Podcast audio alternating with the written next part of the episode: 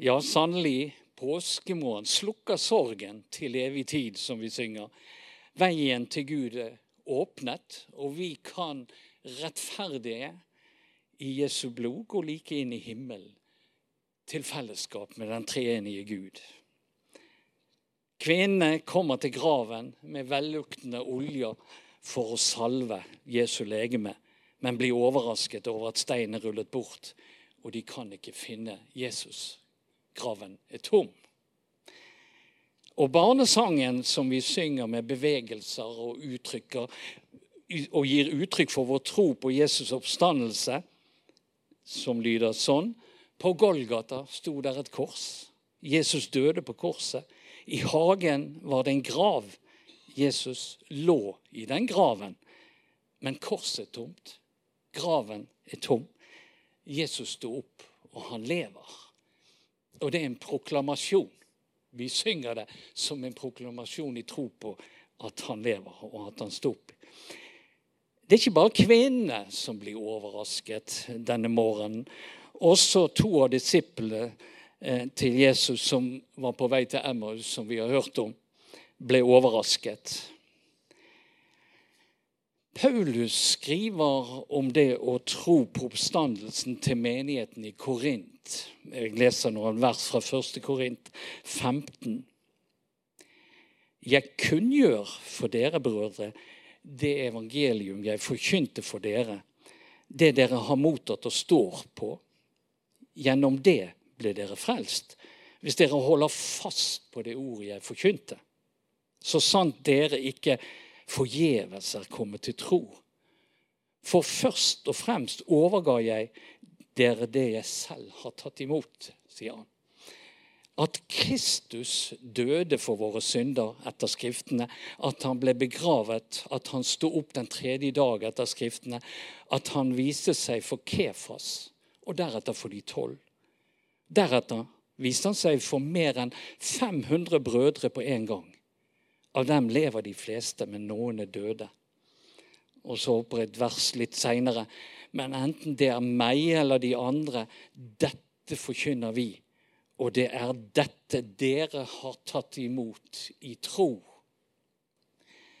Jesus lever, og vi har et budskap å gå med. Et budskap som utfordrer. Å tro på Jesus. Tro på hans død og hans oppstandelse fra døden. Slik ville nemlig Gud at det skulle være. Hans frelsesplan er bygget på fri vilje og tro. Alle mennesker er fri til å velge om de vil tro eller la være. Og Gud vil at vi skal være oppriktige. Vi blir utfordret til å skal holde fast på ordet som er forkynt. Og så ber Jesus oss i Bibelen flere ganger om å tro på Han, og at Han er Guds sønn. Og for oss som tror, er det en sannhet som er en del av livet som også Paulus skriver i det andre brevet til korinterne. For vi lever i tro uten å se. Livet med Jesus er altså bygget på tillit, på å tro på Han. Og videre så ber Jesus om oss som tror, om å minnes det Jesus har gjort for oss på korset det vi i påskehøytiden feires. Gjennom hele året feirer vi nadvær, og vi skal gjøre det senere i dag.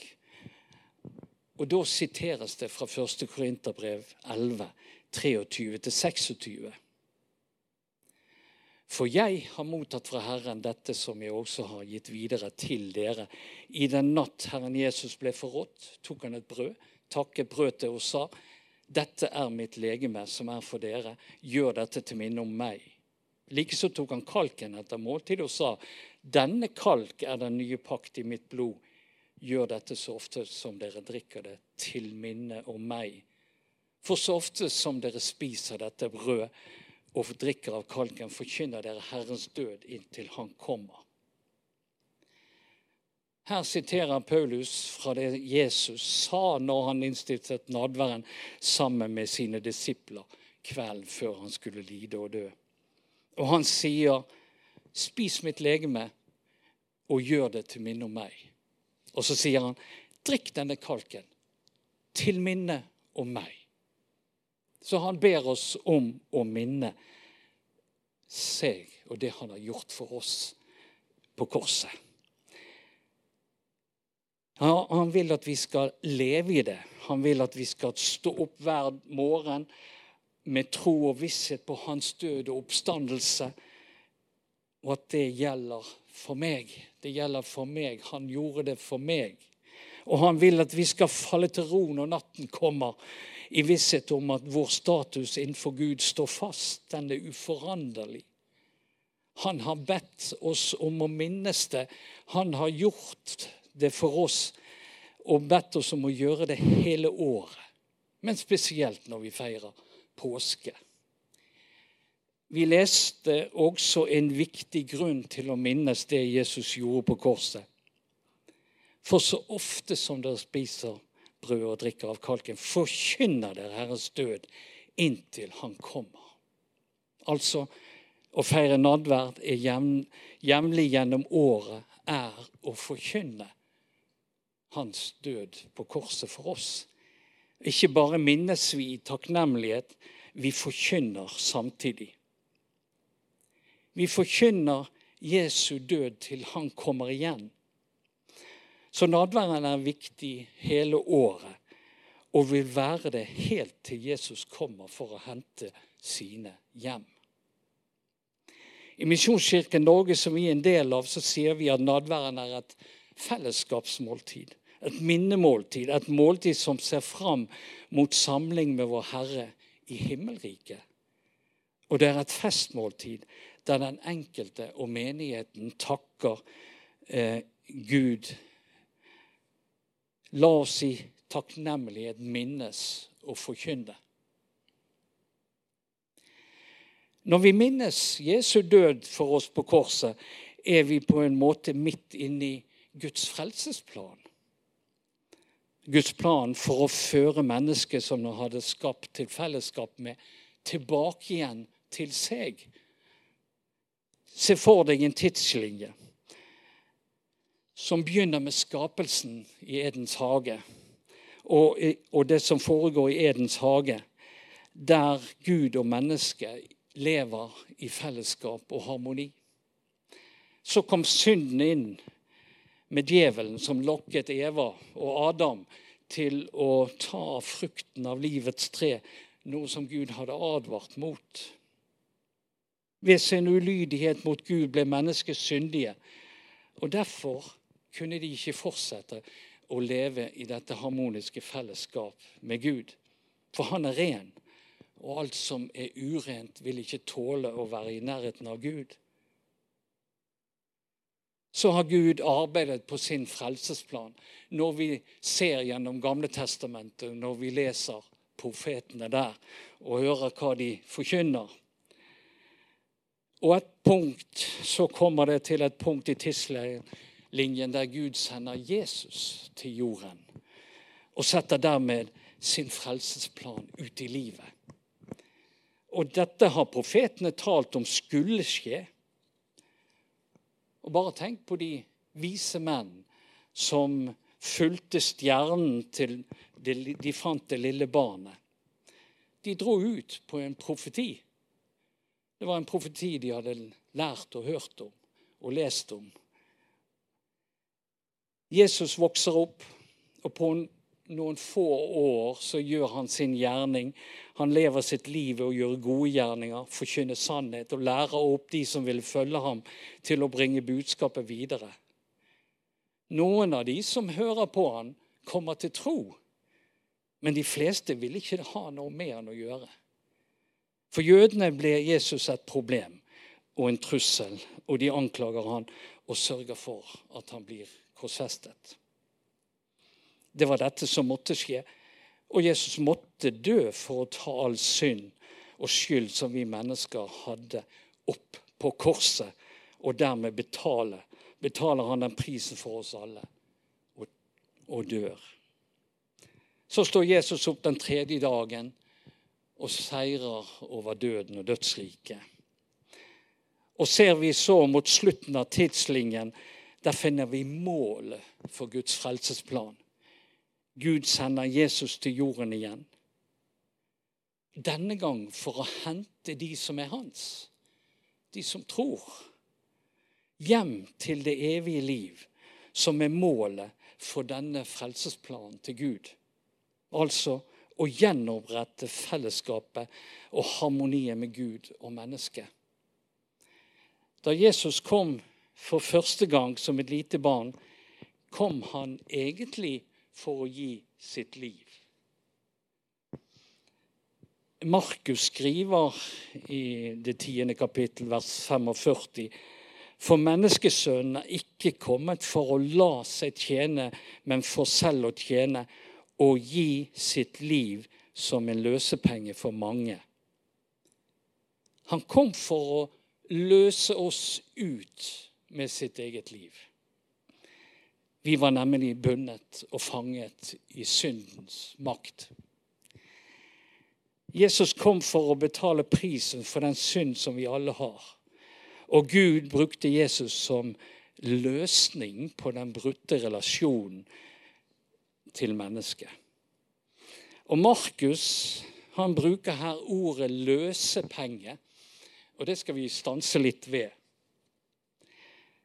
Løsepenge er noe som blir betalt eller gitt for å frigjøre et menneske fra en situasjon som det er umulig for mennesket å frigjøre seg selv fra.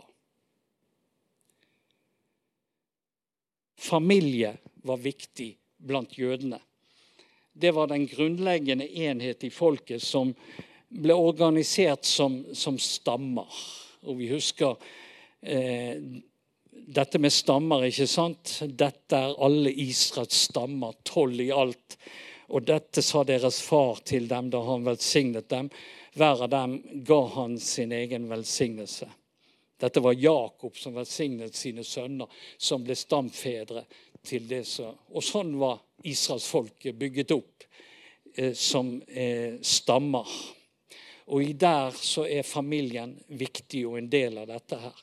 Familien hadde et ansvar for å beskytte og bevare familiemedlemmene fra urettferdighet, fra andre, fra slaveri og tap av land. Det måtte være en nær slektning som kunne løse ut, betale for en som kom i en vanskelig situasjon en som kunne kjøpe tilbake land, ekte en enke etter en avdød slektning osv. Denne slektningen som kunne gjøre dette, ble kalt løsningsmann. Og vi har et fint, fint eksempel i Gamletestamentet hvor løsningspenger blir brukt. Og det skal vi se litt på. Ruths bok. Jeg vet ikke om du har lest den, men det er en av de fine og gode, vakre bøker i, i Bibelen. Og Her i kapittel tre så møter vi en løsningsmann. Naomi var en enke som med sin mann og sine sønner hadde dratt til nabolandet fordi det var hungersnød i Israel. Både mannen og sønnene døde i Moab, som det heter. Og nå flyttet hun tilbake til Betlehem. Med seg hadde hun sin svigerdatter Ruth, som da også var enke. De leda aks som Ruth plukket av det som lå igjen etter høstfolkene som hadde buntet aks sammen. Naomi tenkte at hun og Ruth kunne bruke retten de hadde som en enke i en familie, til å få det bedre. Og at Ruth gjerne kunne få seg en mann. Så Naomi sender Ruth til treskeplassen, og så skal vi lese litt her. Da svarte hun, 'Jeg skal gjøre alt du sier.' Hun gikk ned på treskeplassen og gjorde alt slik som svigermoren hadde pålagt henne. Boas spiste og drakk og kom i gode lag. Så gikk han og la seg ved kanten av kornhaugen. Da nærmet hun seg stille, løftet på teppet og la seg ved føttene hans. Ved minnestid kvakk mannen til. Han bøyde seg fram og så at det lå en kvinne ved føttene hans. Hvem er du? spurte han. Jeg er Ruth, din tjenestekvinne, svarte hun. Bre kappen din over meg, for du er løsningsmann, sier hun. Da sa han, Herren velsigne deg, min datter. Du har vist enda større trofasthet nå enn før, siden du ikke har gått etter de unge menn, verken de fattige eller de rike. Så vær ikke redd, min datter. Alt du sier, vil jeg gjøre for deg. For alle her på stedet vet at du er en bra kvinne. Det er sant at jeg er løsningsmann, men det er en annen løsningsmann som er nærmere enn jeg bli her natten over, og hvis han i morgen vil løse deg ut, så lar han det. Men er han uvillig til å løse deg, skal jeg gjøre det så sant Herren lever. Bli bare liggende til i morgen tidlig. Så dagen etter så drar Boas til byporten. Det var der alt foregikk av det offentlige på den tiden. Og der møter han denne løsningsmannen som var nærmere i slekten. Og han finner ut at han ikke vil løse ut. Og så er det at Boas da erklærer i kapittel fire. Da sa Boas til de eldste og til hele folket.: Dere er i dag vitner på at jeg kjøper av Nomi alt som har tilhørt Elimelek, og alt som har tilhørt Kiljon og Maklon. Og jeg tar også moabittkvinnen Ruth Maklons kone til ekte for å gi den døde en arving til hans arvelodd, så den dødes navn ikke skal bli utslettet av hans slekt og dermed bli glemt i porten på hans hjemsted. Dere er i dag vitner om dette. Nå Naomis plan fungerte. Boas løser hun ut, altså Naomi, og han gifter seg med Ruth. Jesus er vår løsningsmann. Han gjorde det vi ikke kunne gjøre selv. Og vi kan spesielt som, på en dag som dette alle si som jobb, for han sier noe om dette. Men jeg vet min gjenløser lever, sier han. Og det er det vi kan si i dag. Jeg vet min gjenløser lever. Gjenløser og løsningsmann er det samme. Det er det samme ordet som er brukt i Skriften.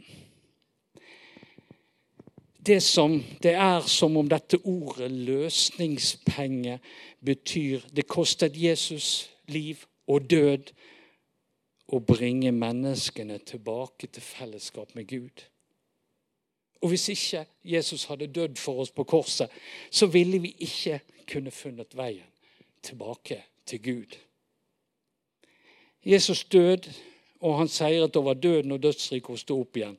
Og på den måten har Gud gjort det som skal til for oss, slik at vi mennesker kan finne tilbake til fellesskapet med Gud, Jesus og Den hellige ånd, den treenige Gud.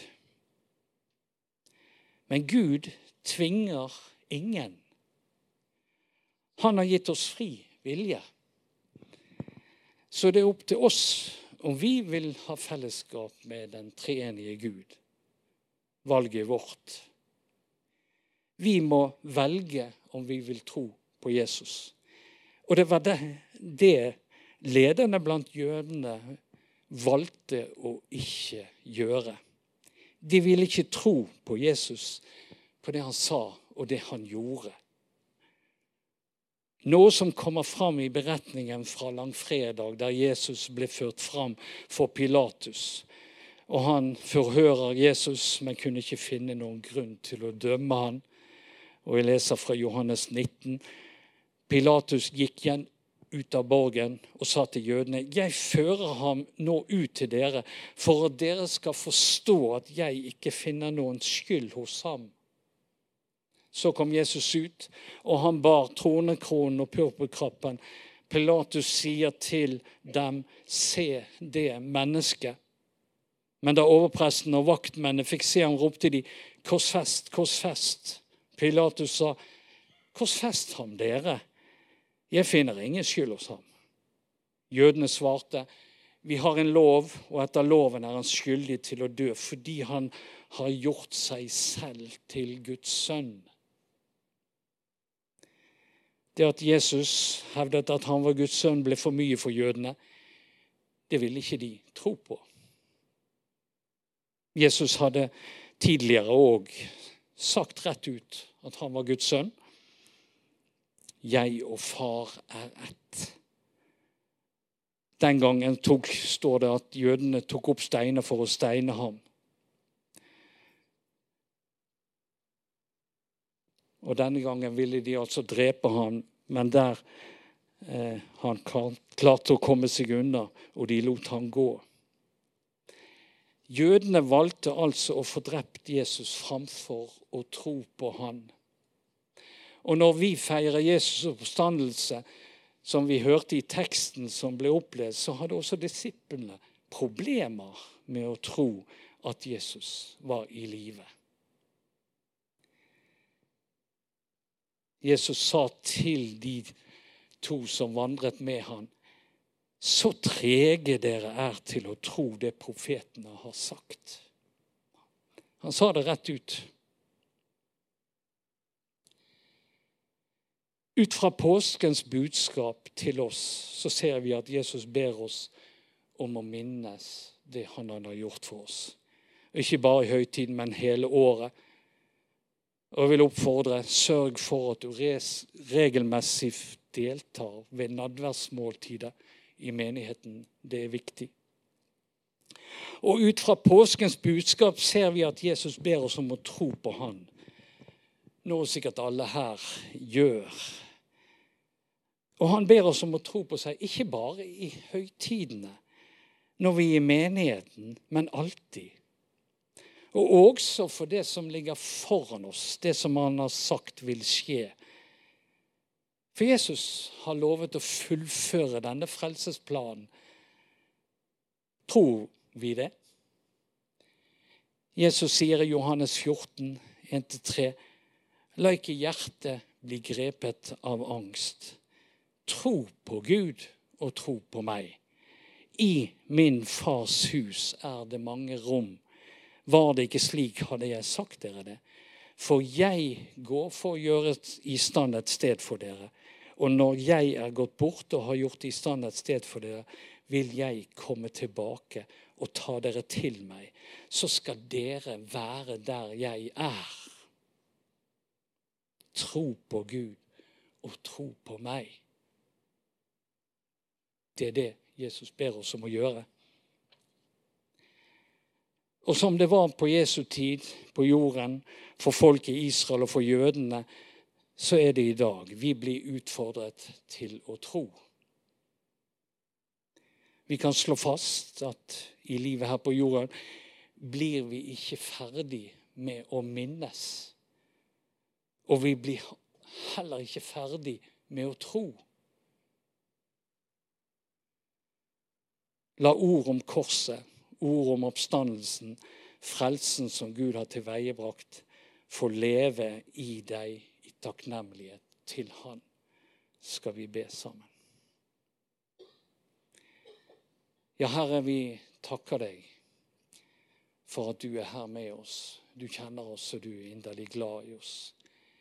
Vi takker deg for at du ber oss om å minnes din død og din oppstandelse gjennom hele året, og å tro på at du lever i dag og tro på det du sier når du gir oss løfte om det du vil gjøre. Herre, hjelp oss til å tro. Hjelp oss til å regne med. Hjelp oss til å ha tillit til deg i hverdagen vår, i det livet vi har. Vi takker deg for livet. Vi takker deg for alt du har gitt oss. Og vi ber, Herre, om din nåde over våre liv. Så legger vi oss i dine hender og ber om din godhet. Takk, Jesus, for at du hører oss, du kjenner og er glad i oss. Amen.